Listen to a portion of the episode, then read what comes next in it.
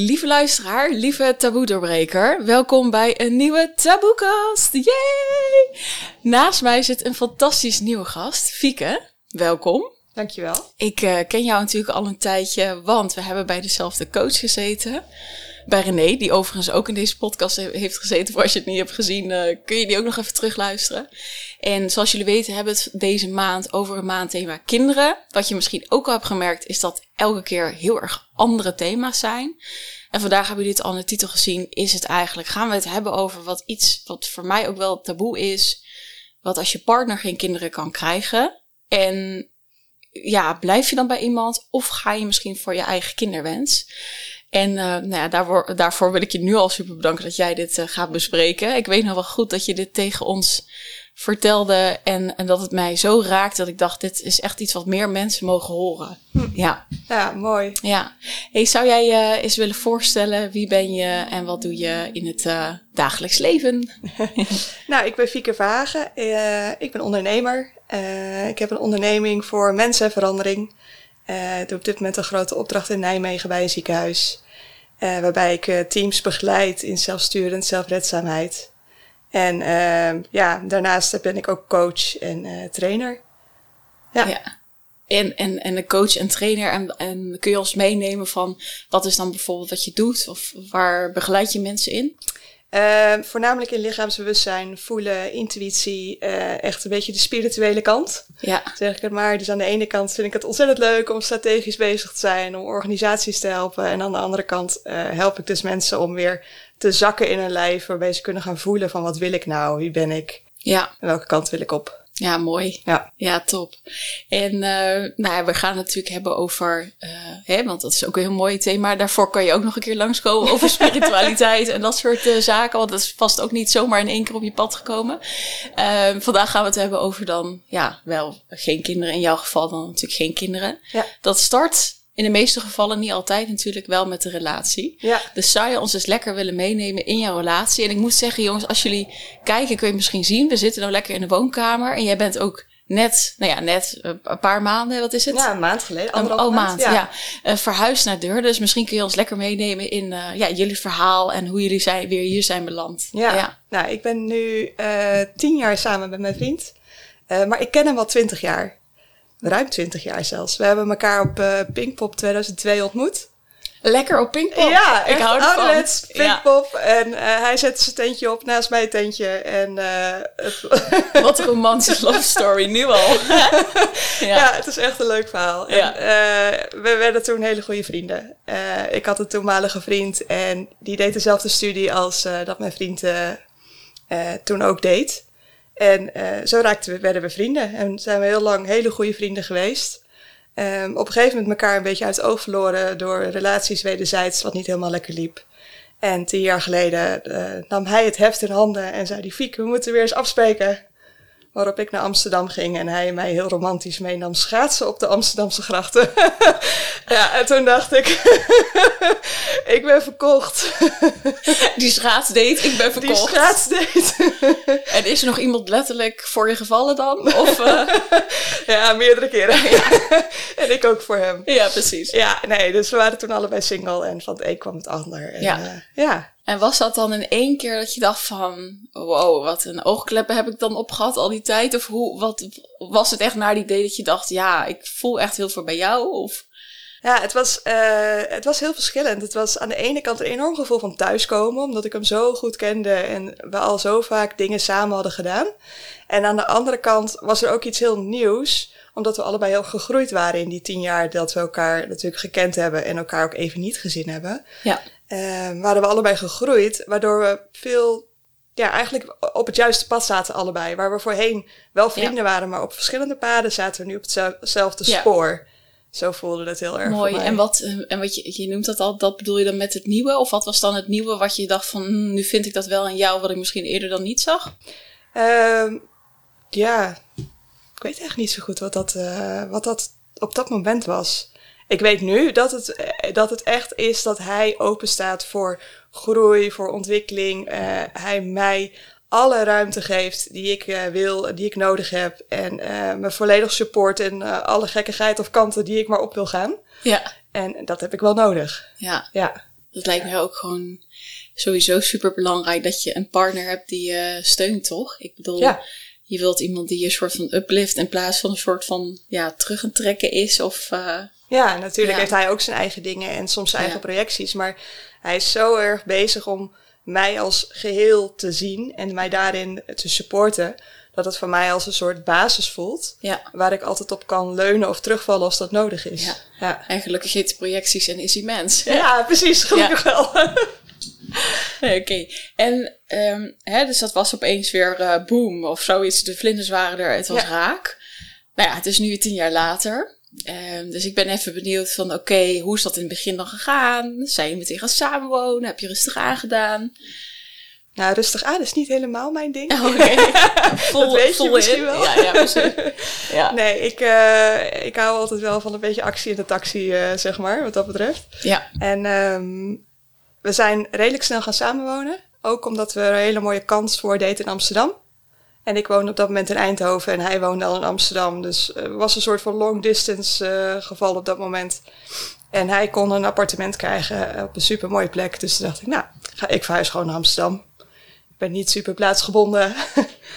En, uh, Had je niet, uh, want mijn Brabants hart, dat, terwijl ik ben helemaal geen Brabander, maar ik voel dat nog steeds, ook al woon ik op het moment in België. Ja. Dan denk ik, oh ja, maar dit is eigenlijk de plek, voel ik nu al, waar ik misschien wel weer naar terug zou willen. En jij woont natuurlijk nu ook weer hier. Ja. Dus hoe ging jij toen weg dan? Ja, Wat je zegt, ik ben niet plaatsgebonden, maar je bent nu wel weer hier. Ja, ik ben nu wel weer terug in Brabant, inderdaad. Ja, um, hoe het ging toen was dat ik het ook wel lekker vond om weg te gaan. Omdat ik in Eindhoven uh, heel lang heb gewoond, uh, ook met mijn vorige vriend. En het was ook goed om een bepaald deel te gaan afsluiten, om echt iets anders te gaan doen. Ja. Ja, en ik wist toen wel zeker, toen ik uh, met mijn vriend samenkwam, dat ik daarin een bepaalde keuze had gemaakt voor een, een andere stap in mijn leven. Ja. Ja, en dat, dat was goed om daar ook een hele andere plaats bij te hebben. Ja, precies. Ja. En hoe vond je Amsterdam? Want ik vind het, als ik in Amsterdam denk, denk ik altijd... Vroeger wilde ik daar altijd met een vriendinnetje uh, wonen, zou ik maar zeggen. dacht ja. ik, oh, the place to be. En uh, elke dag uit. Nou ja, die fase. En ik kan me, nu denk ik van, ah, oh, ik vind het zo'n grote stad. Dus kun je daar aarden? Ja, hoe ging dat voor je? Ja, deels. Uh, het was gewoon precies goed op het juiste moment, denk ik. Oh, ja. Ik was 29 en uh, ik verdiende goed. Dus het was een mooie combi tussen in een stad zijn, daar volledig uit kunnen gaan, alles uit kunnen halen. En aan de ja. andere kant ook, uh, ja, dat met z'n tweetjes kneuterig op een flatje zitten. Ja, precies. dat was het natuurlijk ook gewoon. Ja. Ja. En ik vind het nu, we zijn nu inderdaad een maand geleden of anderhalf maand geleden naar, de, naar Deurne. Mm. En ik vind het ook wel heel lekker om weer uh, weg te zijn uit de stad. En, en kneuterig hier en kneuterig hier te zitten. Op deze bank. Op deze bank. Ja. lekker. Ja. ja. Hey, je zei, um, hey, ik was al 29. Ik weet niet hoe oud je vriend toen was. Uh, je zei net, ik ben nogal van een stelle, hè, kom op, we gaan ervoor. Ja. Wanneer voelde jij van, ik ben misschien ook wel toe aan de volgende stap, Akia, dus kinderen?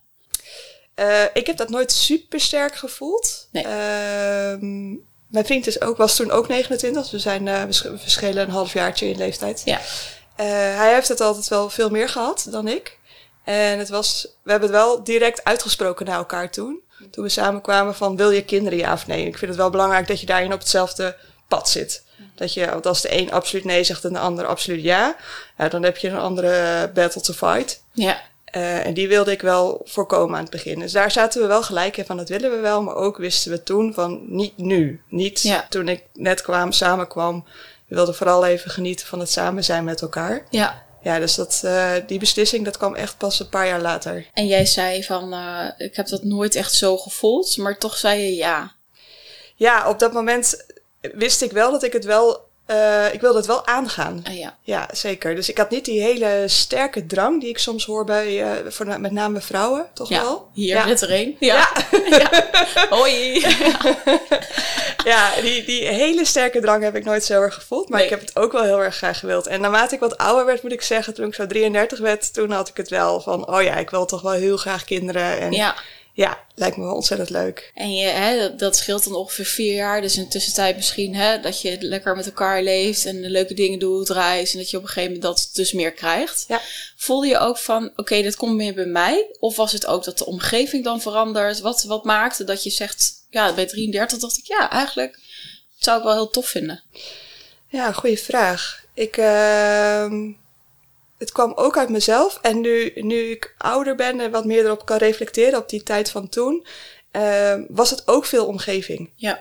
Ehm, er gebeurt toch vaak uh, dat mensen, als je een bepaalde leeftijd krijgt, gaan vragen: En heb je kinderen? Nou, dat is toch de meest onschuldige vraag die je kan krijgen. Ja. Uh, maar de, hoe zit het met kinderen? Wanneer komen ze al? Uh, die hele range, die komt op een gegeven moment voorbij. Ja. En nu terugkijken, denk ik wel dat het zeker wel invloed heeft gehad, ja. Bij mij. Ja, want je was dan 33. En toen ja. kreeg, kreeg je toen echt extreem meer vragen van: Hey, hoe zit het ervoor? Zijn jullie het proberen, dat soort dingen? Of waar moet ik dan aan denken? Ja, het begon inderdaad daarmee. We gingen op een gegeven moment besloten we te gaan trouwen. Oh ja. Um, en nou, dat, dat was ook dat, wat we veel gehoord hebben toen. En hoe was, wa waren jullie toen? Uh, 34. Oh ja. Ja. En wat we toen wel veel gehoord hebben was van, oh ja, dat is de eerste stap hè. Ja. Nu trouwen, dan kinderen, huisje, boompje, beestje. En uh, ja. ja. dus die kwam, uh, dat kwam er toen wel gelijk achteraan, inderdaad. Ja. ja. Klinkt bij, weet je wel, als ik, als ik het nu zo luister, dan klinkt het bijna van, oh ja, wacht even.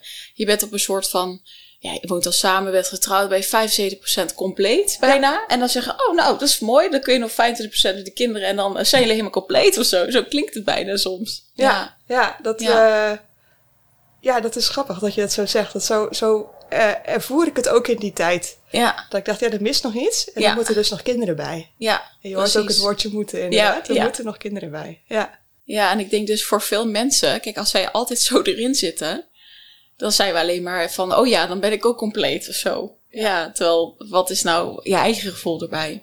Ja. Jullie waren lekker getrouwd. Heerlijke huwelijksnacht gehad. Misschien wel niet. Misschien lagen jullie wel gewoon te pitten. Ik weet het helemaal niet. maar oké, het wordt al meer gespiegeld in de omgeving. Dus ik neem aan dat je dan toch denkt van... oké, okay, zullen we proberen, schat? Ook weer dat. Hoe, hoe is dat? Hoe ga je dat met je partner aan?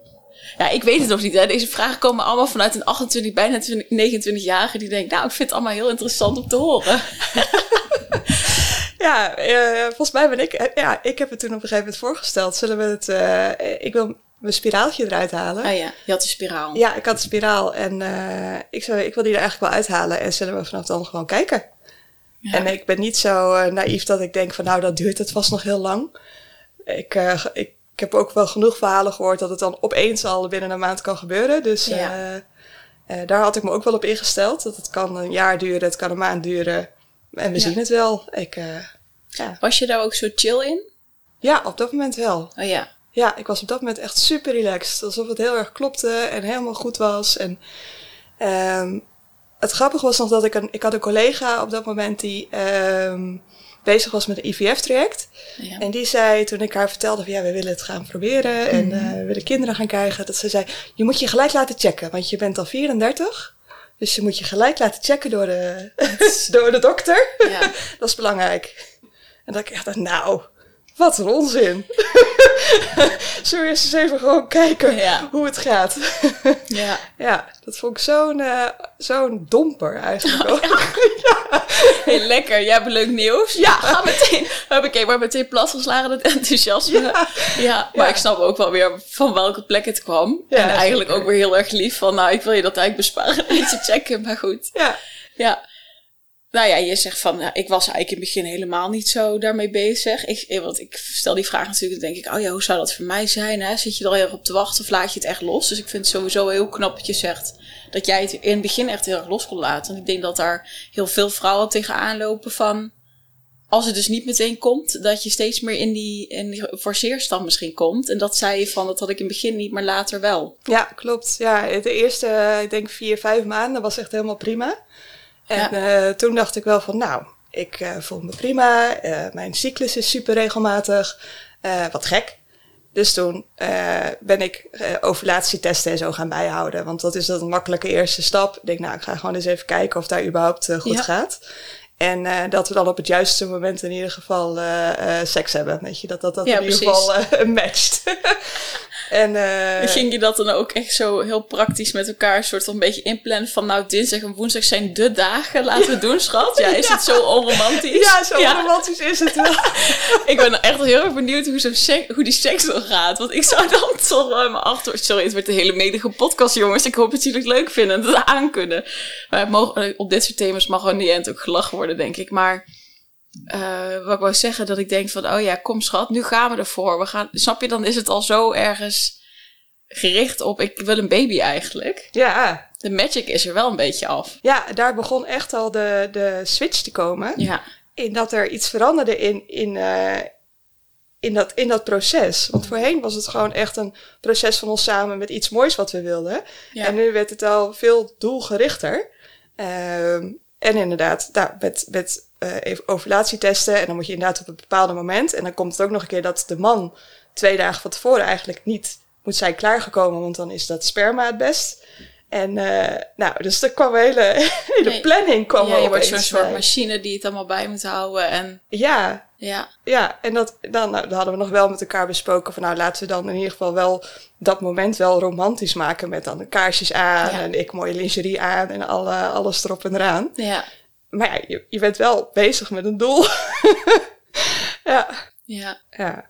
Voelde je na een tijdje dat je ging twijfelen aan wie ben ik als vrouw? Of wat voor gedachten krijg je op een gegeven moment als het langer duurt? Ja, ik ging wel twijfelen aan, uh, aan mezelf soms.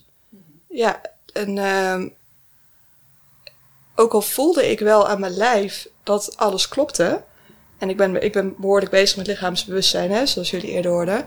Uh, dan nog ging mijn hoofd wel af en toe zoiets van... Ja, Fiek, maar misschien zit het niet goed. En wat doe je nou fout? En uh, nou, allerlei andere dingen die erbij kwamen. Dat uh, kwam wel af en toe omhoog, ja. Ja. Mm ja. ja. Ja, ik kan me zo voorstellen dat je op een gegeven moment echt denkt... Want jij, je hebt eigenlijk zo'n sterke intuïtie natuurlijk van jezelf. En als je dat zo zuiver voelt, dat je dan ook heel erg kan gaan twijfelen aan... Hè, voel ik het dan niet goed? En dat hoe langer het misschien duurt... En dat je dat ook helemaal bij het houden bent, dat je dan steeds meer ergens gaat twijfelen. Ja. Ja. Ja, we hebben toen wel redelijk snel na dat moment. Uh, toen we met die ovulatietest heb ik volgens mij maar twee maanden gedaan. En toen hebben we redelijk snel daarna toch besloten om naar de dokter te gaan. Want die eerste stap, dat is naar de huisarts. En dat is, dat is redelijk simpel. Dat is, dat is bij de vrouw een bloedtest. En bij de man, dan levert hij uh, wat in. En dan wordt er onderzocht. En uh, nou, dan, dan heb je gewoon een eerste uh, uitslag. En toch, die, die opmerkingnaam van die collega zat nog in mijn hoofd. Mm -hmm. Die, die speelde nog ergens mee dat zij dat zo zei. Ja, je bent al 34 en ik voel me helemaal niet oud of zo. Mm -hmm. um, maar als je kijkt gewoon naar biologisch gezien, ja. is 34 gewoon niet zo heel jong meer. Nee, klopt. Hoe gek dat ook klinkt. ja. ja. Nee, maar ja, het is natuurlijk verschil in, in leeftijd en hoe oud we zijn in, in biologisch. En lukt het nog om zwanger te worden op een gegeven moment? Natuurlijk ook, omdat het gewoon moeilijker wordt. Ja. Ja. Terwijl ik denk 34 is nog een leeftijd waar het heel goed kan. Denk ik, maar ja. Oké, okay, nou ja, en, en, dat, dat probeer je een, een, een tijdje. En dan? Ja, dan, toen besloten we dus om naar de dokter te gaan, ja. om dat te laten doen. En um, het is redelijk simpel. En wat ik net zei, en bij mij werden er twee keer volgens mij een bloedtest afgenomen. En hij hoeft één keer iets inleveren. En zouden de uitslag krijgen terwijl we op vakantie waren. En ik weet de moment van de uitslag nog super helder. Dat we bij het zwembad zaten en gebeld werden. Ik werd eerst gebeld. En nou, alles prima mevrouw. Het ziet er super goed uit. En uh, hè, ik zou niet zeggen dat je 34 bent gezien uh, alles wat er uh, uitkomt. Dus ik helemaal blij. Toen werd mijn vriend gebeld en hij kreeg de boodschap van... Uh, gaan we naar het ziekenhuis. Zo, dan zit je op vakantie. Ja. Ja, dat raakt me echt. Ja, dan denk ik echt, oh god, wat een, wat een boodschap om dan te krijgen. Ja, ja. ja we zijn ook echt even dat zwembad ingegaan en van wat gaan we nu doen? Ja. Want we hadden van tevoren gezegd, we gaan het, uh, het ziekenhuiscircuit niet in. Mm -hmm. Dus ik had dat gezegd. Ik, ik wil dat niet. Ik, uh, ik, ik, ik geloof niet in dat alles zo maakbaar is. Ja. Dus ik wil dat niet, voelt niet goed. Maar ja, als je dan zo'n boodschap krijgt, dan betekent dat dus met die, van mij, vanuit mijn kant, uh, uh, als ik daar dan zo in sta, dat het dan ook klaar is als een dokter zoiets zegt. En dat vond ik wel een beetje te definitief voor dat moment. En bedoel je met definitief dat jij eigenlijk ook dat zou bepalen voor hem? Ja. Is dat dan hetgene wat door je hoofd gaat? Ja. Ja, daarmee bepaal ik voor hem dat ik hem dus geen kans geef om te kijken of wat er wel mogelijk is. Ja. Ja. Ja, en dat, dat, dat kon ik niet over mijn hart verkrijgen. Dat vond ik zo naar, naar idee. Dat ik hem niet de opties zou geven die, die er zijn en die mogelijk zijn. Ja. Ja, ik vind dat ook wel weer heel mooi van hoe je in het begin iets kan zeggen. Maar als het dan in de realiteit komt dat je toch anders kan denken en handelen en denken van, nou ja, hè, voelt dat op dat moment dan nog steeds zo goed? Ja, nee. Of je wilt het dan misschien toch proberen. Ja, en die, die eerste keer dat ik dat zei, ik wil niet een ziekenhuistraject in. Dat was zo erg vanuit mijn perspectief natuurlijk gezegd op dat moment. Zo erg vanuit mijn opinie dat ik eh, zijn stuk daar niet mee had genomen. Maar toen opeens deze, ik had de- op een of andere manier deze boodschap nooit als optie meegenomen. Het gekke was dat ik altijd op bedacht, oh, het kan aan mij liggen, Ja, er zit bij mij iets niet goed. Dat, maar dat er bij hem iets niet goed zou zitten, waardoor we dus naar het ziekenhuis zouden moeten gaan. Ja. En dat ik zeg geen ziekenhuis, dat het dus consequenties heeft voor hem weer. Ja. Die, op een of andere manier had ik die conclusie nog niet getrokken. Ja. Nee. Nee, en hoe lang waren jullie nog op vakantie? Jullie zijn daarna direct naar het ziekenhuis gegaan of hoe is dat gegaan? Ehm, we hebben eerst even gewacht. Ehm, ik ben altijd van dingen uitzoeken. Als ik dit soort boodschappen krijg, dan ga ik altijd uitzoeken op Google en allerlei dingen lezen. Ik wil, ik wil informatie verzamelen. Ja. Dus dat heb ik gedaan. Van nou, waar hebben we het nou over? En eh, dat hebben we eerst een tijdje gedaan. En vervolgens bel je het ziekenhuis om een afspraak te maken. En toen duurde het nog bijna vier maanden voordat we daar terecht konden. Dus ja, die tijd moet je ook gewoon wachten. Ja. Eh, dus dat hebben we wel daarna gelijk gedaan. Ja. Ja. En dan, neem ons mee. Ja, Ja. dan ga je naar zijn ziekenhuisbezoek. Het is eindelijk na vier maanden in je hoofd zitten en er nog meer over nadenken. Dan is tijd. Ja. Ja, dan wat ze eigenlijk is het super. Dan komt echt het enorm klinische traject. Daarvoor was het met ovulatietesten en zo was behoorlijk klinisch. Maar Ja. nu als je ziekenhuis ingaat, dan eh, gaat het helemaal. eh, het feestje gaat Het los. seks, de seks eigenlijk gaat er helemaal vanaf en het is echt... eh, Het draait helemaal Machine, om. ja, Ja, nee, dat is echt super klinisch. En eh, de eerste afspraak ging puur over, nou, er is een eerste onderzoek geweest vanuit, het, vanuit de huisarts. Eh, wij gaan die onderzoeken nog een keer doen met betere spullen en we gaan hem op verschillende momenten doen. Ehm, ze gingen mij nog een keer helemaal onderzoeken. Eh, dus je gaat gewoon een heel onderzoekstraject in, wat zo volgens mij drie of vier maanden duurt.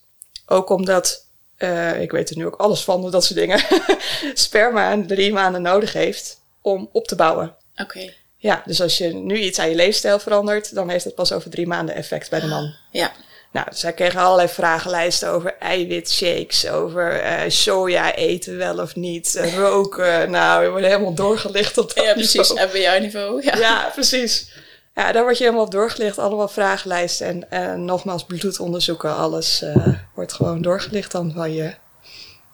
Ja, En dan komt eruit. Je Ja. hebt zwak zaad of, of het gaat helemaal, helemaal niet lukken. Of wat, is, het- wat komt er precies uit? Ja, dat is bij iedereen natuurlijk anders, maar bij Ja. je man. ja bij, eh, bij mijn man kwam eruit eh, eh, traag en veel te weinig. Ah ja. Nou, eigenlijk die combi is killing. Hè? Daar, komt, daar komt dan eigenlijk niks uit. Nou, ze durven geen percentages te geven. Van wat, ik vraag van, vroeg op een gegeven moment, wat is de kans dat het natuurlijk gaat lukken? Dat willen ze niet zeggen. Dat, eh, Omdat het zo, zo laag is? Of, geen idee. Ze willen, wilden daar geen uitspraak over doen. of dat het jouw hoop zo geeft van, ah, het is 10%, Ja. daar horen wij dan bij. ja, dat zoiets. gevoel kreeg ik erbij, maar dat Ja. zeg ik wel als een gevoel. Ja. Ehm, maar dat gevoel had ik er inderdaad bij. Ja, dat lijkt, dat, tenminste kan ik me voorstellen dat ze Ja. daar dus heel voorzichtig mee zijn. Ja, daar waren ze heel voorzichtig mee. En ehm, ze waren heel netjes hoor in het uitleggen met aantallen hoeveel je nodig hebt om bepaalde eh, stappen te kunnen doen. Ik had ondertussen gelezen dat je verschillende fases hebt op het moment dat het niet natuurlijk lukt om zwanger te worden. Dat je IUI hebt en ICSI, nou allemaal verschillende soorten. Ja, ja. Voor- Van, voor- eh, ik zit er echt niet in thuis, dus het nee. zegt me echt helemaal niks. Ik Nou kan ja, me het gaat voorstellen, luisteraars ook, maar eh, ja. Nou, het gaat echt vanuit het, het minst heftig Ja, precies. dat je nog eh, eh, het op redelijk in je natuurlijke cyclus en zo tot aan het meest heftige. Daar zit een soort vier smaken tussen, zeg maar. Ja, En wij kregen eigenlijk gelijk de boodschap: eh, dit is zo slecht dat bij jullie de laatste optie, dus de zwaarste optie, eigenlijk de enige optie is. En dat is ICSI.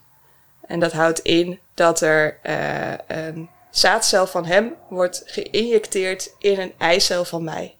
Oh. Bij alle andere vormen uh, doen ze gewoon heel veel zaadcellen bij een eicel. Ja, precies. In feite, hè? Dus dan is het nog het recht van de sterkste. Ja. En bij deze optie kiest de laborant kiest een goede zaadcel en die injecteert hij dus bij een, een eicel. En oh. dat vond ik heel heftig. Ja. Omdat dat, dat hele biologische aspect ging eraf, voor mijn gevoel. Je zei net al heel erg van, ik heb niet zo op dat geforceerde. Mhm. Dat is ook eigenlijk waarom ik het niet wilde. Ja. En dan krijg je een optie die al, ja, dat is gewoon, dat is gewoon de definitie van geforceerd. Ja.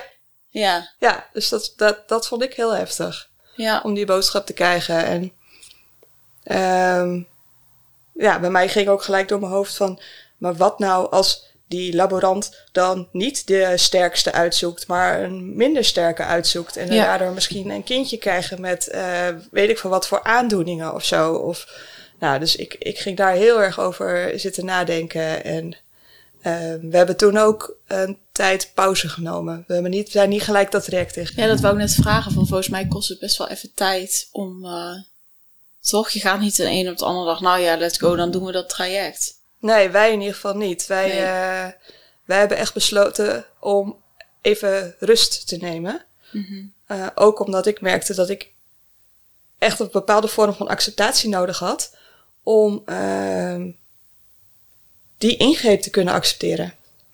En het tweede wat er bij mij opkwam was dat ik dit traject, als we dit in zouden gaan, alleen in wilde gaan met de wetenschap dat ik het hem niet kwalijk ging nemen.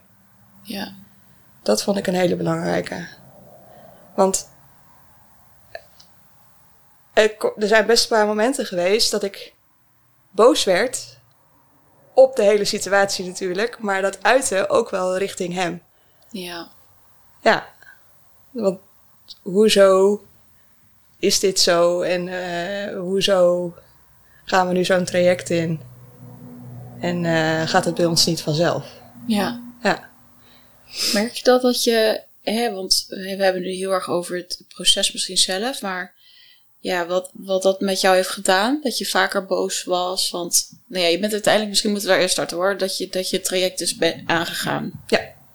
Ja. Ja, we zijn het traject aangegaan. Ja, dat, en, je, uh, en je zei daarvoor van, um, ik wilde niet naar hem boos zijn, of dat, dat er een soort van verwijt zat van zie je nou wel of dit is jouw ding. Hoe, hoe, hoe bereid je daar van tevoren op voor dan? Want je weet natuurlijk helemaal niet wat je kan verwachten. Nee. Nee, wat ik, uh, waar het er voor mij in zat, was een stuk acceptatie dat het misschien nooit zou gaan lukken. Ja. Dat ik daar uh, oké mee zou zijn. En het, uh, nu ik erop terugkijk, dat stuk uh, voelde best wel eenzaam, omdat het ziekenhuis echt zoiets had van: nou, in feite, doe niet zo moeilijk. Jullie hebben gewoon een optie. Ga die optie aan en dan komt het allemaal goed. Mhm. En uh, mijn vriend stond er ook zo in. Die zei, oh nee, ik heb er supergoed gevoel bij, dit gaat goed komen. Mhm. En ik was de enige die zoiets had van, ja, dat kunnen jullie allemaal zeggen. Maar het is niet 100% gegarandeerd.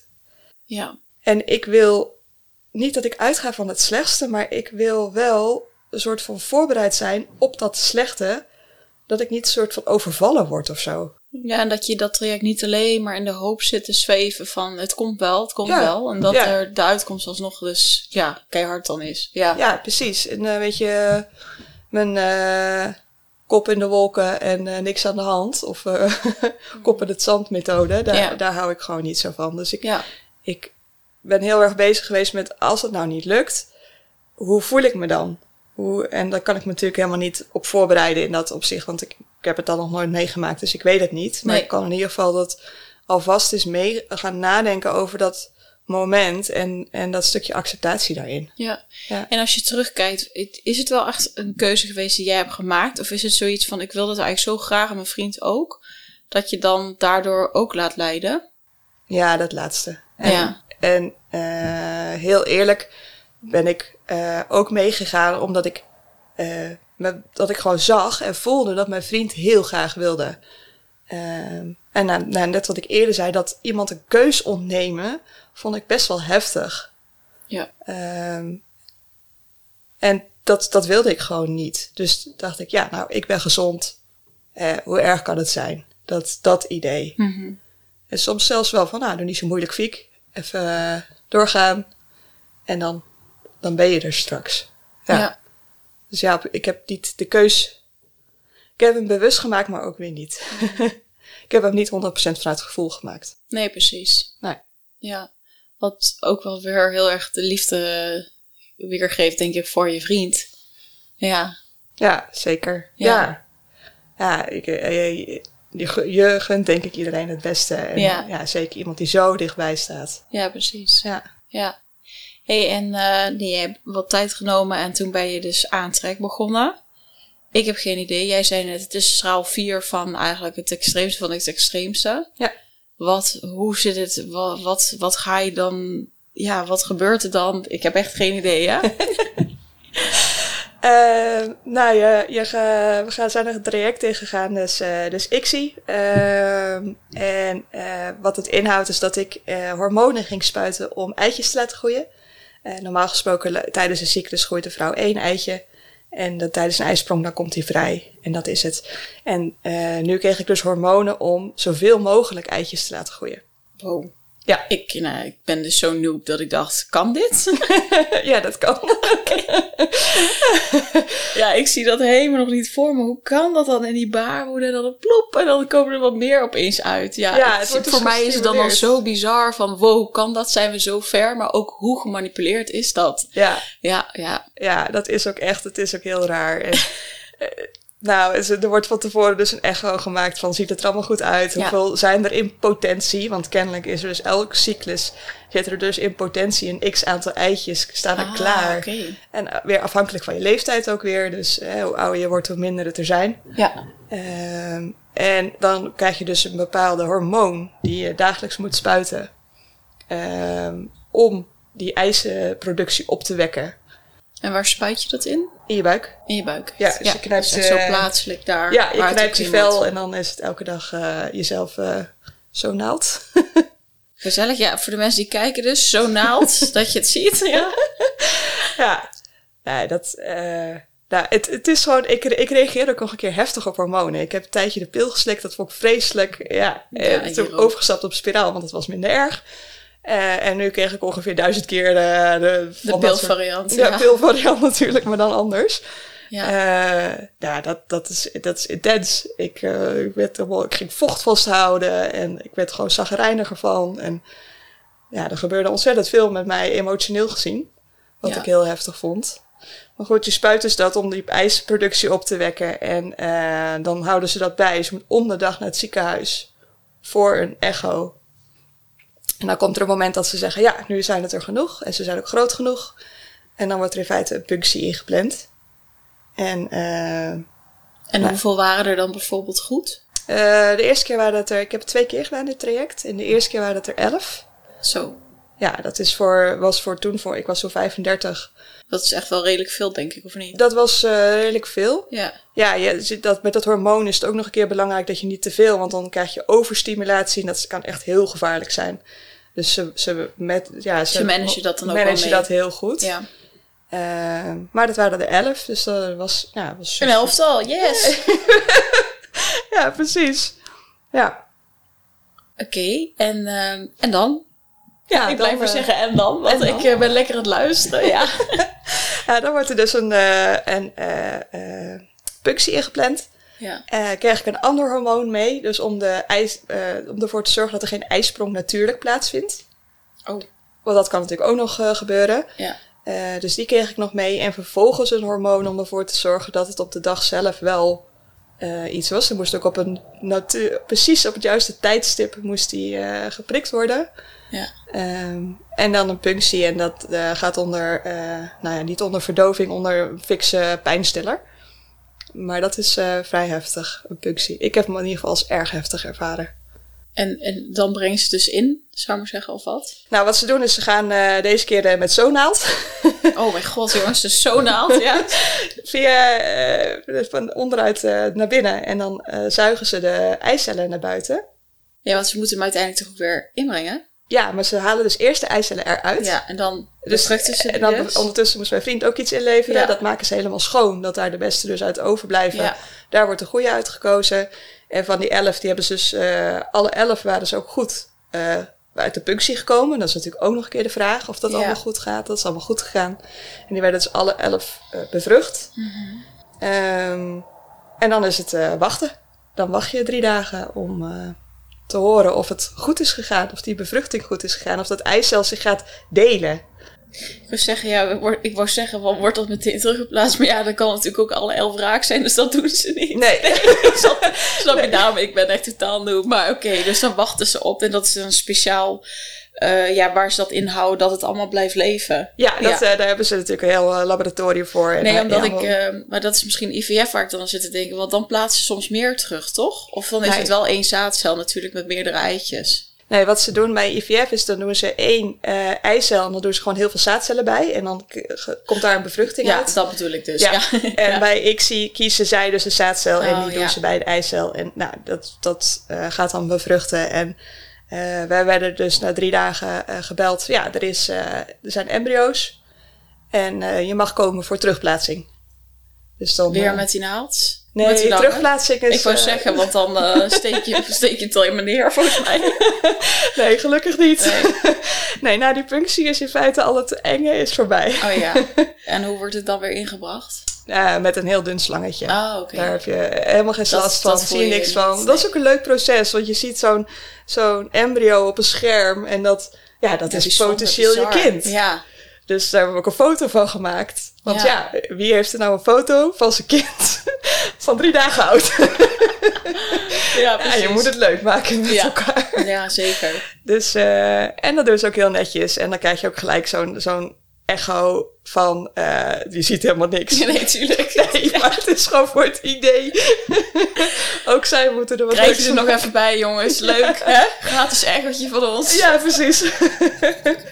Dus die wordt dan teruggeplaatst. En dan, eh, en dan is het twee weken wachten. Ja. Ja. Op dat moment denk ik, ik kan me voorstellen, want weet je, we gaan er best wel snel overheen. Je zegt die spuit erin en dat doen we een beetje grappig over. Maar ik vind dat best intens, want je voelt misschien lichamelijk al van, oh, wat ben ik aan het doen? Het voelt echt niet goed.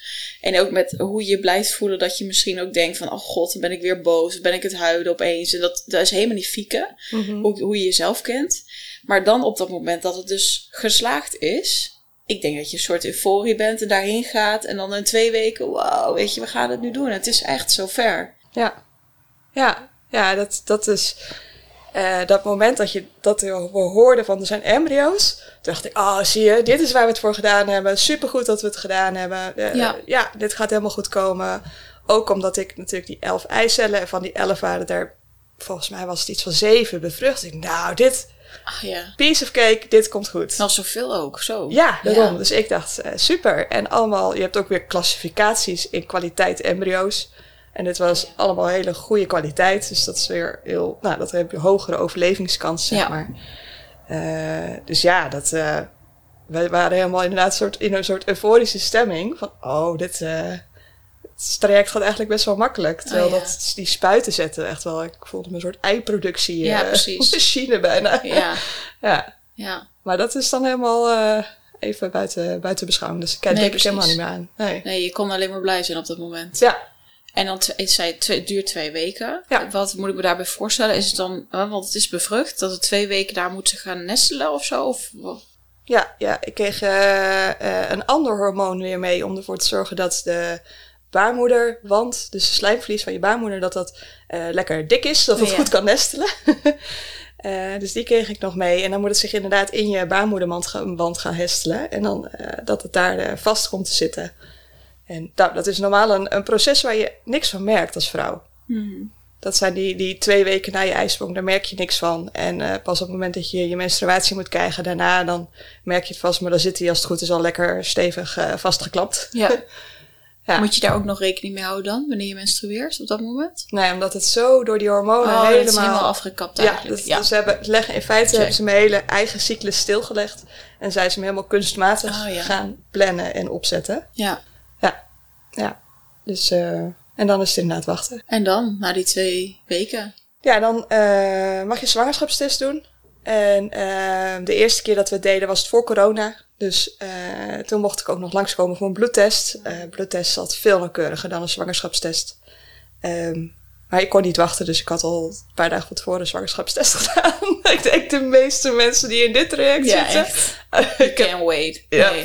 ja. nou, die was negatief, dus ik vond dat wel spannend toen.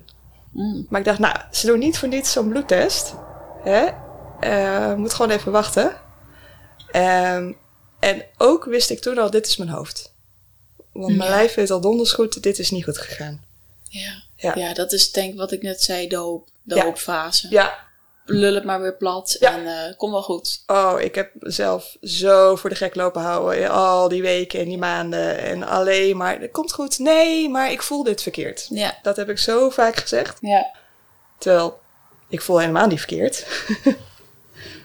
En dan die bloeduitslag en dan is die test daar. En dan, je zei het al. Ja, die hoe, was hoe, negatief. wordt dat, hoe wordt dat gebracht? Of, of is Ja, het gewoon, we hebben een test gedaan. Oh, oké, je bent gebeld. Ja. Top.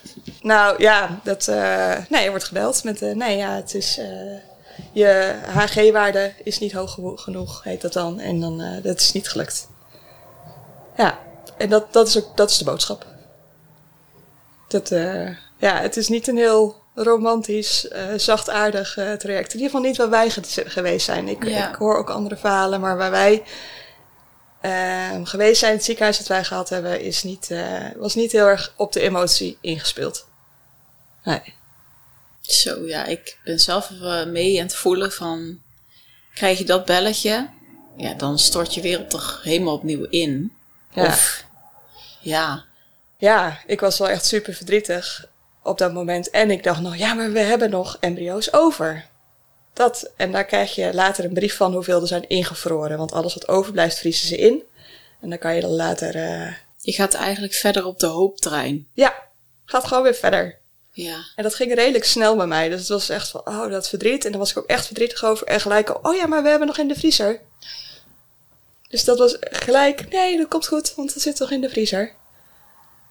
En we kregen een week later vervolgens eh, een brief binnen met wat er in de vriezer was. Maar van die zeven waren er maar twee doorontwikkeld die in de vriezer konden. oké. Dus het is een behoorlijke afvalrace Ja. ook nog een keer. En dat was voor mij ook weer een enorm besef van... Oh, het wordt zo... Soms zo rooskleurig voorgeschoteld. Ook door het ziekenhuis. Oh nee, maar je hebt er elf. Dat is super mooi, komt helemaal goed. En het werden van de elf werden het er zeven. En van zeven werden het er dus uiteindelijk maar twee in de vriezer. Ja, en dat is dan toch wel echt heel zuur. Ja, Ja, dus, en weet je, want we hebben het heel veel over jou, maar hoe, hoe, hoe want je, je zei al van, hè, mijn vriend wilde het eigenlijk nog op zijn allermeest. Hoe voelde hij zich op dat moment? Of hadden jullie allebei zoiets, we stappen in die hooptrein en we gaan er weer voor? ja. En, Dat je eigenlijk je verdriet weer wegdrukt door, oh, maar dan gaan we het nog een keer proberen. ja, en hij nog meer dan ik. Ja, Hij, zat, hij heeft tot nog niet eens zo lang geleden een rotsvast geloof gehad dat dit ging lukken. Mhm. Hij wist gewoon, en hij voelde dit in alles. Hij zei 100% geloofde hij, dit gaat lukken. En niet linksom, dan wel rechtsom. Hij wist het gewoon zeker. Dus hij was echt zo, ja, natuurlijk was hij verdrietig. En hij was heel verdrietig. Ehm, en ook gelijk wel weer die hooptrein inderdaad. Ja, nee, volgende station, want we hebben Ja. nog twee in de vriezer. Mhm. En eh, je mag ook gelijk door. Dus het is niet gelukt. En de boodschap die ik gelijk meekreeg was: geef het maar door als je weer eh, menstrueert, want dan kan je gelijk eh, laten terugplaatsen. Ah, Dus je mag gewoon gelijk door op dat hele circus. Eh, en dat hebben wij ook gedaan. We zijn gewoon gelijk doorgegaan eh, naar de volgende twee. Mhm. Waarbij het het volgende kwam dat zij moeten natuurlijk ontdooid worden. En dat gaat in principe altijd goed. Eh, maar niet bij ons. En ze kwamen bij ons wel eens, alle twee zijn ze niet goed ontdooid. oh, Ja, zo. ja, dat gebeurt bijna nooit. Dus er was helemaal geen terugplaatsing. Nee, er was niks meer over. Oeh. Ja, Ja, achteraf denk je misschien, nou, het, het was al een teken voor me. Misschien, hè? Maar op dat moment denk je natuurlijk, godverdomme. ja. En dan? Ja, nou, ik was er op dat moment echt helemaal klaar mee. Ik voelde me echt gewoon enorm rot door, door allemaal hormonen en, en dingen wat niet gelukt was. En een traject waar ik in zat waar ik eigenlijk helemaal niet in wilde zitten. Ja. En ik voelde me super moe en dik. En was je zoveel aangekomen? ja, ik was er best wat aangekomen. Ja. Ja. maar dan ga je ook minder lekker voelen, toch? Ja, ik voelde me gewoon niet meer sexy of zo. Ik voelde me niet meer mezelf. Ja. Ja, ik voelde me echt bijna een ander persoon. Dus toen we die boodschap ook kregen van ja, het, die, die twee zijn ook niet goed ontdooid. Dus er is gewoon eigenlijk niks meer. En je moet het hele circus weer opnieuw in. Met hormonen spuiten en alles opnieuw. Toen dacht ik, jeetje, Vicky zeg, wat uh, gaat dat niet doen? Kwam dat, toen kwam misschien een beetje besef dan als ik jou zo hoor van... wow, wat hebben we eigenlijk... of wat heb ik allemaal eigenlijk al gedaan ervoor? Ja. Ja. ja. En op dat moment uh, kwam een berichtje dat mijn zusje zwanger was. Oh, ik kreeg echt helemaal kippenvel. Ja. Jeetje. Ja. Ja. En volgens mij hebben we drie dagen later de dokter gebeld van we willen verder. Ik trok het gewoon niet. Ik vond het zo... Uh, ja. Ik vond het zo vreselijk. En je bedoelt, je trok het niet omdat je die boodschap ook nog kreeg? Ja, en dat daarboven... je dacht, oh, bij jou, jij gaat zwanger worden. Ja. Wij willen dit eigenlijk ook zo graag nu. Ja. Ja. Dus ja, dan zijn we toch voor een tweede ronde gegaan. Ook omdat het, en het ziekenhuis zei het ook hoor. Die zei dat ja, maar je moet nu niet opgeven, want er is echt heel veel hoop en heel veel kans. En ja, ik zit even een kermisattractie te denken, jongens. Nog een rondje. Come on. Ja, nee, maar zo... Ik, ik vind dat ziekenhuis, dat is tot... Hoe, hoe ik het klink, denk ik, ja, die, die hebben het zo vaak meegemaakt. En wat ik zeg, een soort konijntjes en uh, wip maar een beetje met elkaar. En nou ja, dat, dat hoeft al bij jou niet meer, maar... nee, maar gewoon van, oké, okay, ga maar maar voor en go. En uh, besef je wel wat dit met de mens doet, weet je wel? Als ik ja. dit zo hoor. Ja, zij... zij uh wat ik merkte bij het ziekenhuis is dat ze er echt zo erg in stonden met... Uh, ja, maar dit is, dit is je kans, dit is je hoop. En dat is ook zo, hè? Dat, ja, dat er zijn ook echt wel veel mensen die hier uh, geluk mee hebben. En uh, hele mooie kindjes aan, aan overhouden. Dus ja, ik, ik snap dat ook wel. Mm -hmm. vond alleen zelf merkte ik dat ik het, het gemak waarmee het ging... En waarmee er dus weinig ruimte was voor de teleurstelling van de eerste keer. Dat, dat vond ik al lastige. Mm -hmm. uh, ja. Maar we zijn dus wel gewoon uh, voor uh, ronde 2 gegaan. Hartstikke idee. Hoppakee, gewoon door. en hoeveel tijdsbestek zit er dan tussen? Want je zei, dit was voor de coronatijd. Dan was deze waarschijnlijk in de coronatijd. We zijn, ja, we hebben het hele circus dus nog een keer gedaan. met wel weer allemaal goede successen qua aantallen eitjes, et cetera allemaal. En de terugplaatsing was één dag voor de, voor de allereerste lockdown, zeg maar. Voor oh, wow. De, ja, voor dus 11 maart of zo, zoiets. 20 dan. Ja, ja 20, dus ook niet zo heel lang geleden eigenlijk. Nee. Ja. Nee. Ja, toen, uh, dat was inderdaad terugplaatsing. En toen kregen we ook bericht van, nou, je hoeft nu niet langs te komen voor een bloedtest. Je hoeft alleen maar zwangerschapstest te doen voor die terugplaatsing. Uh, want uh, ja, je mag niet komen vanwege corona, weet ik wat allemaal. Ja. Dus, maar ja, ook die was negatief. Dus het hoefde dus ook niet langs te komen. nee. Oké. Okay. Ja. Ja. En dan heb je twee keer geprobeerd. En nou ja, ik weet het natuurlijk al. Maar jullie zijn er niet verder gaan proberen? Nee, we hadden ook daar weer... Uh, we hadden de acht embryo's. Dus het was weer heel, uh, leek weer een heel succesverhaal te worden. Ja. We eentje van is teruggeplaatst. En uiteindelijk kregen we een brief dat er eentje in de vriezer was gegaan. Uh, en bij mij kwam op dat moment dan eerder ook al zo erg omhoog, er klopt iets niet. En er klopt gewoon iets niet bij mijn vriend. Waardoor, ook al zou het, het worden wel embryo's, maar ze groeien dus ook niet. Er gaat gewoon iets niet goed. En of het nou is in onze, bij ons samen, of bij hem, of wat dan ook, maar het gaat niet goed. Dat kwam bij mij zo sterk naar boven. Ja dat toen we die, dat bericht kregen van uh, er is er eentje in de vriezer en, en dit, dit was mislukt, dat ik zei, ik wil gewoon niet meer. Het, het voelt zo niet goed. Het klopt gewoon niet wat we aan het doen zijn. Je bedoelt zelfs van uh, nog een laagje erboven eigenlijk van het voelt niet goed en schijnbaar hoort het niet in ons leven dan? Voelde je zoiets of hoe kan je dat beschrijven? Uh, nou, nog niet van het, het hoort niet in ons leven, maar meer van wij wij samen, daar, daarin gaat iets niet goed als het gaat om kinderen krijgen. Ja, oké. Die combi lijkt niet goed te zijn. En uh, ik, ik voelde in ieder geval super sterk van ik moet dit niet nog een keer doen, zo'n traject. Ik, eh, Mijn lijf heeft even rust nodig nu. Want ja. ik, ik kan niet goed meer voelen, terwijl dat mijn, het is mijn werk. Ja. dus ik voelde me helemaal niet meer vertrouwd met mijn eigen basis. En was bijna op het punt dat ik bang was om mezelf een soort van kwijt te raken daarin. Ja, ja. begrijp ik ook wel. Ja. Nou ja, en dan, jij voelt dat natuurlijk heel sterk. Dus het is een nee. En ik kan me voorstellen dat dan echt het, het rouwproces wat je eerst op de hooptrein dan misschien hebt weggedrukt, dat het dan allemaal boven komt. Ja. Hoe hebben jullie dat samen ervaren? Ja, we hebben dat allebei op hele verschillende manieren gedaan. En mhm. los van elkaar en samen. En ik wil heel erg van praten. Ik, ik wil dingen met elkaar bespreken. Ik uh, voel en zie veel altijd bij de ander. Dus ik vind het belangrijk om het daarover te hebben. Uh, mijn vriend is meer het type van uh, dat hij het prettig vindt om in zijn eentje dingen te verwerken en te, en te analyseren. Um, we hebben een, uh, een relatieweekend gedaan met z'n tweeën. Dus ook omdat ik het zo belangrijk vond dat wij met z'n tweeën wel oké waren. Ja. Ik voelde zo sterk, we zijn dit traject met z'n tweeën aangegaan. Um, dus het is ook super belangrijk dat die basis met z'n tweeën, dat die blijft bestaan. Dat die blijft kloppen. Ongeacht wat hieruit gaat komen verder. Ja.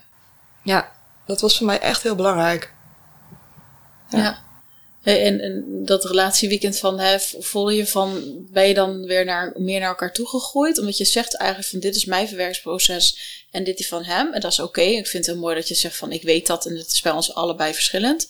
Maar ik kan me ook voorstellen dat dat twee manieren zijn waardoor het dus soms ook een beetje mismatcht. Als iemand alleen wil zijn en jij wil eigenlijk praten. Ja, ja, ik heb, uh, ik heb in die periode heel erg geleerd dat ik niet alles bij mijn relatie kan vinden. Ja dat is voor mij een hele grote les geweest. Uh, om ook daarmee oké te zijn dat ik niet alles bij mijn relatie hoef te vinden.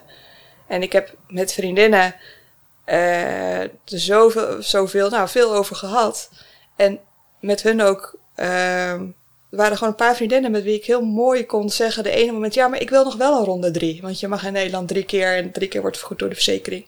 Dus ik wil wel nog een keer. Nee, ik wil toch niet. Ja, maar ik wil toch weer wel. Ja, ja. En dat proces, dat kon ik lastiger met mijn vriend delen, want hij wilde wel. Ja. Hij had nog steeds dit rotsvaste geloof van dit gaat lukken. Dus het was ook aan mij om daar met anderen ja. mijn, ja, dat rouwproces inderdaad aan te gaan op dat stuk. En daar oké mee te zijn dat ik heen en weer schoot. En, ja, ik was zeggen, want als je dat aan je vriend deelt, die zegt één dag ja, dan denkt hij, oh oké. En dan dat zou heel teleurstellend zijn. Dan ja, denk ik ook, dat is ook niet, ja. dat, is, dat is niet te doen voor de ander. Nee. Iemand die zo heen en weer wiebelt. En wanneer voelde jij van, uh, oké, ik ga nu toch de knoop doorhakken en voor mij gaat het ineens zijn. En hoe leg je dat uit aan je partner? Um, ik, ik weet het exacte moment niet meer, maar ik weet wel dat ik weer dat al die hormonen een beetje uit mijn lijf kwamen, dat heeft echt nog heel lang geduurd. Um, maar dat ik inderdaad na drie kwart jaar of zo dacht, ah, oh, ik ben, ik ben er wel weer. Dan zitten we dan ergens in 2021 al. Einde van 2020, oh, denk ik. Ja, zoiets. Ja. ja, einde van 2020. Dat ik dacht, nou, ik ben er wel weer. Ja, het is wel weer uh, uh, goed. En uh, dat, ik, dat ik toen het gesprek aan ben gegaan van, ik, ik zie het gewoon niet meer zitten. En voornamelijk omdat het niet oké is voor mijn lijf. Ja. En um, ik ben dan echt heel, heel dankbaar met een vriend die daarin mij ziet en, en snapt dat mijn lijf ook mijn werkinstrument is. Het is, het is waar ik mijn werk op baseer, waar ik me, alles mee doe. Dus als ik zeg het is niet goed voor mijn lijf, dan is dat heel belangrijk iets. Um, maar het was voor hem wel een harde dobber. Want eigenlijk hebben we dus heel lang de tijd nodig gehad om echt op dat moment te zeggen. Omdat je waarschijnlijk voelde van ik wil eerst weer mijn lijf en ik wil eerst weer fieken voelen, dan maar zeggen. Ja. En dan pas het gesprek aan. Dus ik kan me ook voorstellen dat die tussenmaanden ook nog een beetje dan hoop misschien voor hem waren soms. Ja, zeker. Ja, en uh, hij is het gesprek ook af en toe wel eens aangegaan van ja, zullen we toch verder gaan of niet? Of uh, ja. Uh, ja, maar we hebben er ook nog één in de vriezer. Wat zullen we daarmee doen? Ja, het, we hebben wel gelukkig de, de tijd genomen en dat ook wel uitgesproken naar elkaar. En ik denk dat dat wel een soort van redding is geweest voor ons. Om daar gewoon elke keer weer opnieuw die tijd te nemen. Ja. En ik heb volgens mij wel eens grappend gezegd van ja, nou ja, of ik nou 35 of 36 ben. Wel, uh, zoveel uh, minder eitjes wordt het nou ook weer niet. Ja, precies. Ja. ja, en voor hem maakte het toch niet uit, zijn leeftijd. Ja. Dus ja. Er, ja, dat is dan nog niet eens eigenlijk een. Uh, nee, zeg je nog goed? Niet eens eigenlijk een jaar geleden. Ja. Ja. Ja, ja dat is inderdaad uh, anderhalf, twee jaar. Ja, zoiets. En ja, want je hebt natuurlijk die knoop doorgehakt. Bij je vriend ook. Dat is eigenlijk, jij zat al de hele tijd misschien in het proces en bij hem is het dan in één keer gekomen. Ik kan me voorstellen dat je alle twee nog best wel eens momenten hebt. Ja, genoeg. Ja. En uh, voornamelijk als ik het niet verwacht. Oh ja. Daar kom ik nu achter. En nu we uh, het hele, nu we echt gezegd hebben, het is klaar. En uh, nu merk ik dat het, dat het echt momenten zijn die me dan ook kunnen overvallen. Ja. Uh, ik had het vorig jaar met Moederdag. Ja. Dat ik me opeens besefte van, ik ga dat dus nooit krijgen. Ik ga dus nooit krijgen dat er een kleintje naar mij toe komt met een tekening voor mama. Mm. En nou, dat raakte me uh, zo hard op dat moment. Dat, ja, dat, dat overviel me echt. En nou, ik had het laatst toen ik mijn moeder zag met uh, het zoontje van mijn zus. Die natuurlijk ondertussen geboren is. Ja. uh, dus mijn moeder is oma. En dacht ik, ja, maar ze gaat dus nooit... Ik ga nooit oma worden. En zij gaat ook nooit oma zijn van, van een kindje van mij. Ja. Dus dat, dat hele blije wat ik dan zie gebeuren bij hun... Ik, ik voel me altijd een beetje een buitenstaander. En dat zijn van die gekke momenten die ik van tevoren gewoon niet kan bedenken of aanzien komen. Die wel Nee. ja, elke keer weer dat, dat pijnpunt in dat rouwproces raken. Ja. Ja. Ik heb ook nog wat uh, luisteraarsvragen mee. Dus zal ik die nu stellen? Want ik denk dat die uh, nu een beetje aansluit op wat jij nu aan het vertellen bent. Ja. Doen we deze even. Hij staat wel lekker zacht, jongens. Nee. Oké, okay, ik ga het even openen. Even kijken. Nou, ik was nog wel benieuwd. Misschien is dat, want dat is nog een vraag van mij. Van hoe vind je het dan om uh, nu te zijn? Is, tante te zijn? Ja, is dat dan dubbel? En Ja. ook voor je vriend misschien? Uh, nou, mijn vriend was al heel lang uh, oom van uh, Ah, kinderen van zijn zus. Ja, ja. Dat was al uh, langere tijd. Dus ik denk dat dat voor hem daarin geholpen heeft.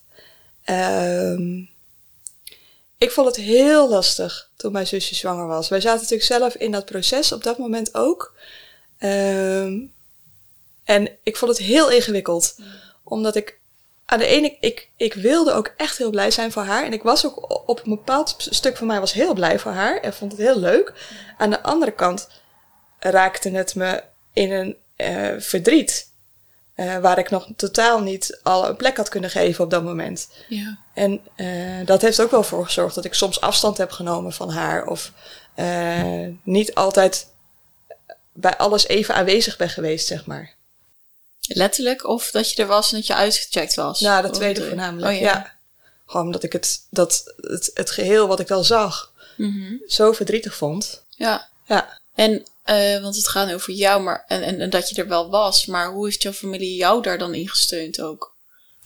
Want het Uh, lijkt mij ook best wel moeilijk voor iemand om dan wel een kind te krijgen, terwijl weten wat jullie doormaken. Ja, ik weet het van mijn zusje niet precies hoe zij het ervaren heeft. Uh, mijn ouders hebben me wel heel erg uh, gesteund erin. En die zijn. Het leuke is dat zij ook best wel vrij zijn in hoe zij daarover denken. Dus uh, mijn moeder die denkt altijd gelijk aan allerlei oplossingen. En die had al van allerlei andere oplossingen bedacht die eventueel zouden kunnen als dit niet zou lukken. Ja. Maar dat getuigt alleen maar van dat ze zo mee wil denken Ja, met precies. mij. En dat is wel. Ja, de eerste, de eerste ronde die we gedaan hebben, heb ik ook best wel veel gedeeld erover. Dus dat was wel was fijn. Ja. Ja. Ja, en toch ook weer, want mensen zoeken misschien vaak oplossingen, maar dat je wel de liefde erin kan voelen Ja, dan. ja, absoluut. Een van de vragen was, hebben jullie nagedacht over een, ja, de andere manier, misschien die je moeder dan ook bedoelt, dat weet ik niet helemaal, om een kindje te adopteren? Ja, we hebben echt alle opties beslo- besproken en bekeken. Dus inderdaad adoptie. Ehm, daarvan ehm, wilde ik... daar wilden wij uh, niet, omdat we zeiden van nou, je kan niet bij alle adoptielanden zeker weten dat dat kind daar op een uh, correcte manier zeg maar ter adoptie is afgegeven. Ja. En ik wil 100% niet bijdragen aan kinderroof of allemaal van dat soort vreselijke dingen. Ja. En eigenlijk alleen vanuit Amerika kan je het 100% zeker weten. In de andere landen is dat gewoon een stuk vager. Ja. Uh, dus dat, dat voelde gewoon niet oké voor mij. Ja. En mijn vriend had, toen ik het hem uitlegde hoe het zat, zat hij er ook op dezelfde manier in. Dus uh, het was al snel vrij. Ja, vrij dat was wel vrij. Ik heb wel een keer formulieren opgevraagd. En we hebben wel een keer online naar een uh, informatieavond voor, play, voor uh, ja. adoptie geluisterd. Maar we zaten, nee, dit is niet ons traject. We hebben inderdaad nog naar pleegouder gekeken. Um, waarbij we allebei heel veel moeite zouden hebben met het feit dat een kind uh, die heeft dan gewoon een ouder waar die even niet bij kan zijn. Maar ik zal nooit zijn of haar ja. echte moeder worden. Want dat is ook de bedoeling. Um, maar dat, daar heb ik moeite mee om dan een kind ook op een gegeven moment weer terug te geven naar een situatie waar die in eerste instantie uitgehaald is. Ja, om dat ook weer los te laten en ja, jullie band ja. dan. En ja. dat snap ik, dat is ook natuurlijk ook best wel een opgave lijkt me. Ja, ik heb, ben daar wel heel eerlijk in geweest. Dat of ik mezelf uh, door dat proces van elke keer afscheid nemen wilde laten gaan. Of ja. ik, uh, en toen dacht ik, ja, dat gun ik mezelf gewoon niet. Om mezelf elke keer, dat doet toch elke keer pijn. En Mhm. nou, waarom zou ik dat doen? Dus op Ja. die manier weeg je die dingen tegen elkaar af. Ja. En hebben dat niet gedaan. En, En, we hebben, en zijn het, zijn het, is het meer plussen en minnen of is het ook wel echt gevoel? Dat je Ja. al voelt van nee, dit is gewoon te zwaar. voor mij is het ook echt wel gevoel. Ja, Ja. En we hebben nog uh, nagedacht over donorzaad. dat uh, was inderdaad ook nog een vraag, maar ja. Ja, Ja. ja. natuurlijk. Ja, daar hebben, we, daar hebben we nog nagedacht over donorzaad. We hebben broertje van mijn vriend gevraagd. Want dat zou het meest... Ja, ja. Ja. dus uh, uh, ja, dat zou het meest in de buurt komen namelijk. ja. Um, en nou, dat kan je in feite zonder ziekenhuizen doen. Officieel mag dat niet, maar, nou. maar hij wilde dat niet. Uh, dus ja, dan, dan houdt het op. Mhm. Dan, dan moet het via de officiële kanalen. En dat wilde mijn vriend absoluut niet. Die wilde Nee. geen uh, onbekend donorzaad, zeg maar. Nee, precies. Nee. En uh, wat was de reden dan niet? Omdat het dan ook te dichtbij staat? Of? Van het broertje van Ja. me. Ja, hij uh, gaf, gaf toen als reden dat hij het... Uh, twee, twee dingen. Eén was dat hij het heel ongemakkelijk zou voelen als er dus inderdaad een kindje uit zou komen. Hmm. Dat het dan ook zijn kind zou Ja, zijn. precies. Dat lijkt me dus ook wel. Omdat het dichtbij staat misschien ook. Ja, terwijl wij zoiets hadden, nou, dan kunnen we juist een hele mooie band in scheppen. En we kunnen daar, eh, we kunnen daar uh, of heel open in zijn als je dat wil, of niet. Nou, net wat we, wat we daarin willen. En het tweede was dat hij er op dat moment nog niet aan toe was om te weten hoe het met de kwaliteit van zijn zaad stond. Oh ja. Uh, wat ik ook wel snap, want als het met je broertje niet, uh, niet lukt, wat zegt het dan over jou? Ja. Ja. Ja. Ja. Nou, helder. Ja. Um, een volgende vraag. Je noemde het in het begin al van het gesprek. Hè? Dit is nog de minst erge vraag die ik dan had gehad. Uh, een van die vragen gaat daar een beetje over. Dus eigenlijk wat diegene wil weten is inderdaad... wat zijn de opmerkingen die je het meest hebben geraakt... of de gekste opmerkingen... of waar irriteer jij je nou aan... Uh, als het gaat om opmerkingen rondom... oh, heb je nog geen kinderen of dat? Um, degene die, ik het, uh, die mij het meest heeft geraakt was tijdens het traject dat iemand tegen mij zei: Maar je kan toch gewoon naar een andere man gaan? Ja. En het gemak waarmee dat ook gezegd werd, hmm. die raakte me enorm. Ja. En um, die raakte me omdat het voor mij heel erg helder maakte van ja, maar ik ben dit traject samen aangegaan met mijn vriend. Mm-hmm. Wij zijn samen en daar komt iets uit voort. Ja. En het is niet dat iemand maar gewoon productie inlevert zodat er iets kan gaan gebeuren. Dat, dat, dat is niet onze relatie. Ja. Uh, dus die, die raakte me daarin wel echt heel erg. En wat er op dit moment bij mij, ja, wat, wat ik een soort van, ja, het is irritatie, maar het is bijna, uh, um, ja, het is toch een soort van irritatie. Is mensen die dan zeggen, nou, je begint wel een beetje oud te worden, hè? Moeten jullie niet een beetje opschieten? Ik moet lachen hoe fout het weer is in, ja. de, in wat je net al hebben besproken, weet je wel. Ja. ja. ja. Maar mensen hebben zo oogkleppen op en, zij, en gaan er zo vanuit dat dat dan, uh, uh, dat, dat je daar dus met een reden voor kiest of wat dan ook. Ja. uh, ja, er wordt gewoon. De mensen denken niet zoveel na hoor, met voor vragen die ze stellen of opmerkingen die ze geven. Dat merk ik wel. Ja, dat merk ik ook sinds ik deze boekkast eigenlijk maak. Dat, dat we dat eigenlijk heel weinig doen, inderdaad.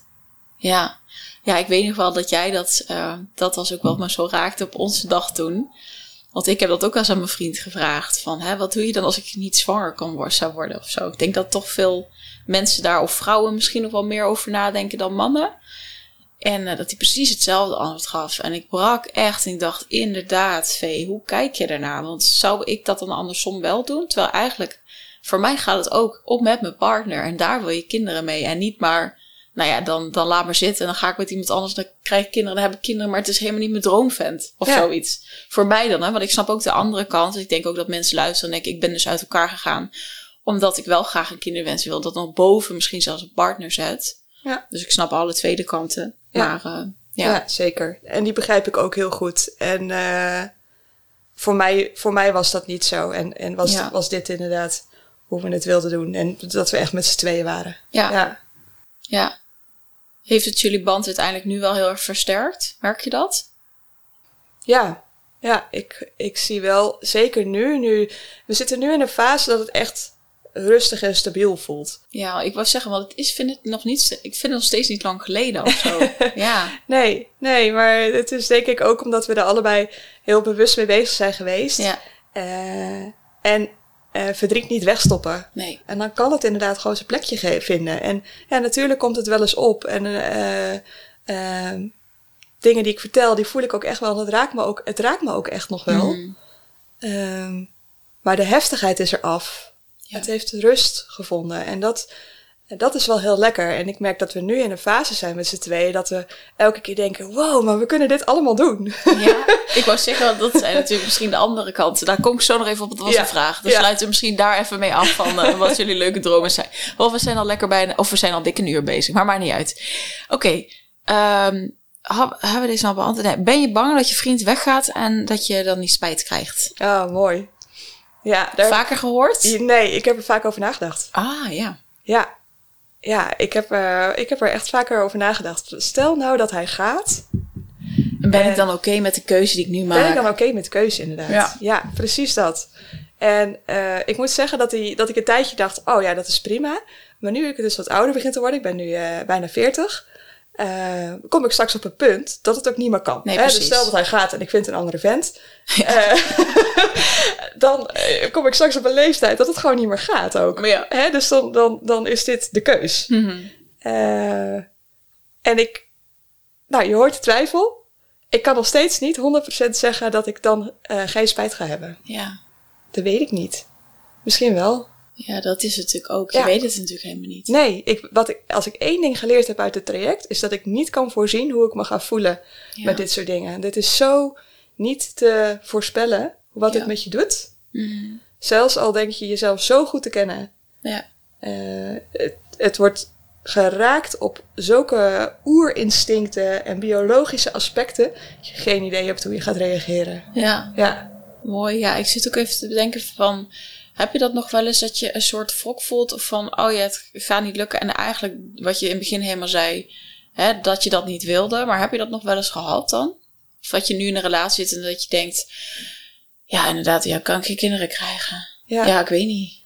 Nou, het zit er met mij nu dat ik, ik heb nu een fase waarin ik me soms uh, bang voel. Dat ik dan uh, denk aan dat ik uh, bijvoorbeeld straks 80 ben en mijn vriend er niet is. En dan denk ik, ja, mensen hebben dan kinderen die dan ja. langskomen tegen eenzaamheid of jou helpen of wat dan. En ik heb dat niet. Mm -hmm. Dus hoe ga ik dat in godsnaam doen? Ja. En, daar, en dan kan ik me een soort van uh, beklemd of benauwd voelen zelfs. Dat ik geen idee heb hoe ik, dat, hoe ik dat ga doen.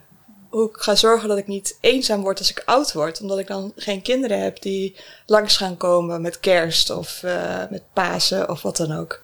Ja. En uh, ik vind het echt super kwetsbaar dat je dit deelt. Omdat ik denk, ik heb ook een podcast opgenomen waar we een beetje zeiden van nou, is bij egoïstisch als je daarom een kind neemt, alleen omdat je later niet eenzaam hoeft te zitten. Ja. Maar ik denk veel mensen ook stiekem wel toch zo denken. Ja, ja. het is gewoon ook een feit. Het is gewoon, ja. het, het is familie en familie komt langs in de meeste gevallen dan, hè? Ja, in de meeste gevallen. En um, ja, dat, dat, dat is toch een soort zekerheidje waarvan je weet dat ze er zijn. En nou, dat zekerheidje heb ik dus niet. En, nee. Nou, dat, uh, dat, ik zit nu in een fase waarin ik dat soms heel eng vind. Mm. Ja. Ik denk dat dat van veel mensen überhaupt ook een angst is. Hoe gaat het later? Ben ik er eenzaam? Gaat mijn partner dood? Maar Ja. ook, en dan misschien nog versterkt als je geen kinderen hebt. Ja, Ja, ik snap dat wel. Ja. Ja. ik heb het grote voordeel dat ik eh, vriendinnen heb die ook geen kinderen hebben, bewust eh, geen kinderen hebben genomen. En waren die al in je omgeving of zijn die er gekomen? Nee, die waren er dus al. Oh ja. Ja, en ik was dus aan het, Tussen ja, aanhalingstekens. Ja. ja, dus ik was aan het begin van het traject heel bang dat het heel veel zou doen voor onze vriendschap als ik kinderen zou krijgen en zij dus niet. Ja. En wat dat zou doen. En, en nu ben ik eh, vooral enorm dankbaar dat zij er zijn en dat ik dit soort dingen ook kan delen en dat zij kunnen delen hoe zij er dan in staan. En eh, ja, hoe, hoe, dat, hoe mooi het is om dat soort dingen met elkaar te ja, kunnen het delen. verbindt denk ik heel Ja. erg in de vriendschap. Ja, Ja. ja. Oké, we gaan eh, bijna afsluiten. Je gaat je laatste vraag even krijgen. Oké.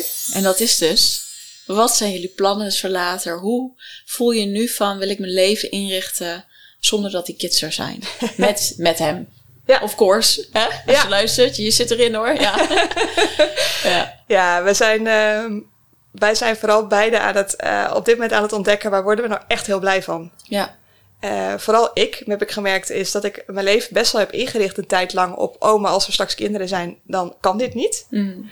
Ehm, en eh, dat, dat zijn we nu langzamerhand aan het uitpluizen van, nou, dat, dat, dat gaan we dus niet meer doen. En waar worden we nou heel blij van? Nou, we hebben dus nu een woning in eh Deurne gekocht met een grote tuin. Maar we willen bijvoorbeeld ook nog een appartement in Amsterdam. Ja, het feit is dat we zijn eh, toch wat dat betreft dinkies, hè? Double income, no kids. dus we hebben gewoon wat te besteden. En Ja. wij zijn allebei nu aan het leren dat we daar ook van mogen genieten. En dat ik me niet schuldig hoef te voelen voor het feit dat ik dus geld te besteden heb omdat ik geen kinderen heb.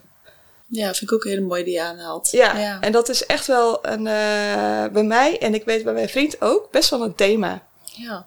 Dat we, daar, dat we dat mogen doen en dat we daarvan mogen genieten. Ja, ik had daar helemaal niet over nagedacht. Maar ik kan me voorstellen dat je dacht van... oh, dat suikerpotje en dan daarvoor. En dan Ja. opeens ben ik big spender. En misschien voor je gevoel... oh, het is niet aan kinderen, dat, dat is meteen nuttig of iets. En dan gaat het aan onszelf uitgeven. Ja. Zo een beetje. Ja, het voelt bijna een soort van egoïstisch. Ja, precies. Om eh, te bedenken van, nou ja, we willen eigenlijk wel graag dit of wel dat. En, eh, oh, dat kan dan ook. Want, Ja. Nou, daar hebben we dan ruimte voor. Heerlijk. Ja, het is super lekker. en het is ook een heel proces dus. Ja. En dat, eh, nou, het heeft bij mij ook wel de ogen geopend hoezeer we dus geïndoctrineerd worden met hoe je in het leven moet staan. Dat ik me dus schuldig voel over het feit dat ik geld aan mezelf ga uitgeven. Ja. Omdat ik geen kinderen heb. ja. Ja.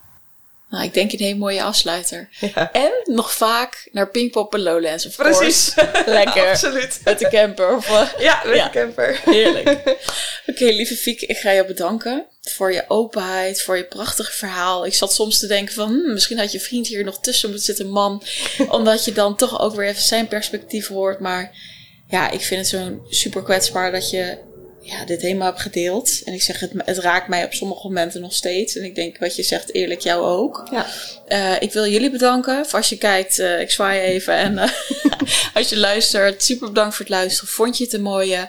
In de beschrijving komt ook Fiekes Instagram te staan, je website. Mocht je haar een mooi berichtje willen sturen, alleen mooie dus, ehm, dan kan dat zeker. Ik denk dat jij dat ook hartstikke tof vindt. Ja, ik zeker. ben super blij met het thema aan te halen, omdat ik denk dat er in Nederland zo vaak inderdaad voor het traject wordt gekozen. Is daar überhaupt het bewustzijn? Natuurlijk mag die keuze er zijn, maar ook ja, dat je hebt laten horen van wat het dus wel ook met je kan doen. En dat je pas daarna denkt van wow, waar heb ik eigenlijk in gezeten? Ja. Super, dankjewel. Ik spreek jullie bij een volgende dikke kus van ons. En eh, tot snel. Doei!